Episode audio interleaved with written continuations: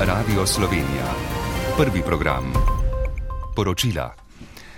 Zmaga Ilke Štuhec v smuku v Kortini Dampeco je njena deseta v svetovnem pokalu, od tega šesta v kraljevi disciplini.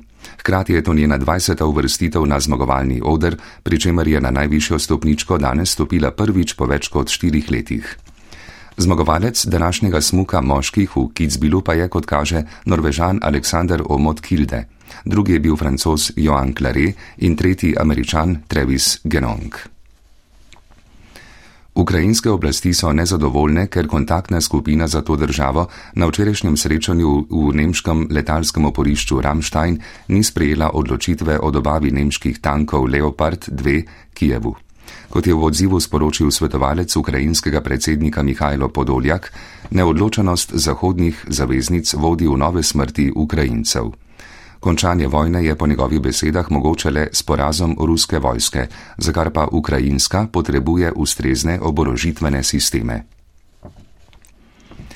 Edini kandidat novozelandskih laboristov za novega predsednika stranke in vlade po četrtkovi napovedi odstopa Jacinde Arderen je Chris Hipkins. Zdajšnji minister za policijo, izobraževanje in javne storitve je najbolj znan po vodenju zdravstvenega resorja v obdobju pandemije COVID-a. Potem, ko ga bodo jutri po pričakovanjih tudi uradno potrdili, bo Novo Zelandijo vodil najmanj do oktobrskih volitev. Laboriste takrat čaka težka naloga, saj je priljubljenost Ardernove zaradi visoke inflacije in vse večje družbene neenakosti upadla na najnižjo raven doslej. Protesti privržencev odstavljenega perujskega predsednika Pedra Castilja, ki zahtevajo predčasne volitve in odstop predsednice Dine Boluarte, se nadaljujejo.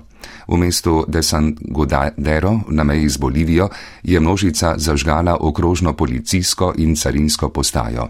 V ekipi, prav tako na jugu Peruja, so policisti uporabili sozivec proti protestnikom, ki so skušali odreti na letališko stezo in so na nje streljali s fračami.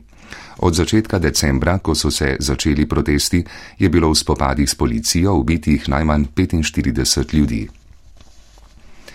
Z drevišnjim koncertom v Semiču se začenjajo 27. Krakarjevi dnevi. Z nizom kulturnih prireditev se v omenjeni belokranski občini tradicionalno spomnijo rojaka, pesnika, novinarja, urednika, prevajalca, esejista in profesorja Lojzeta Krakarja.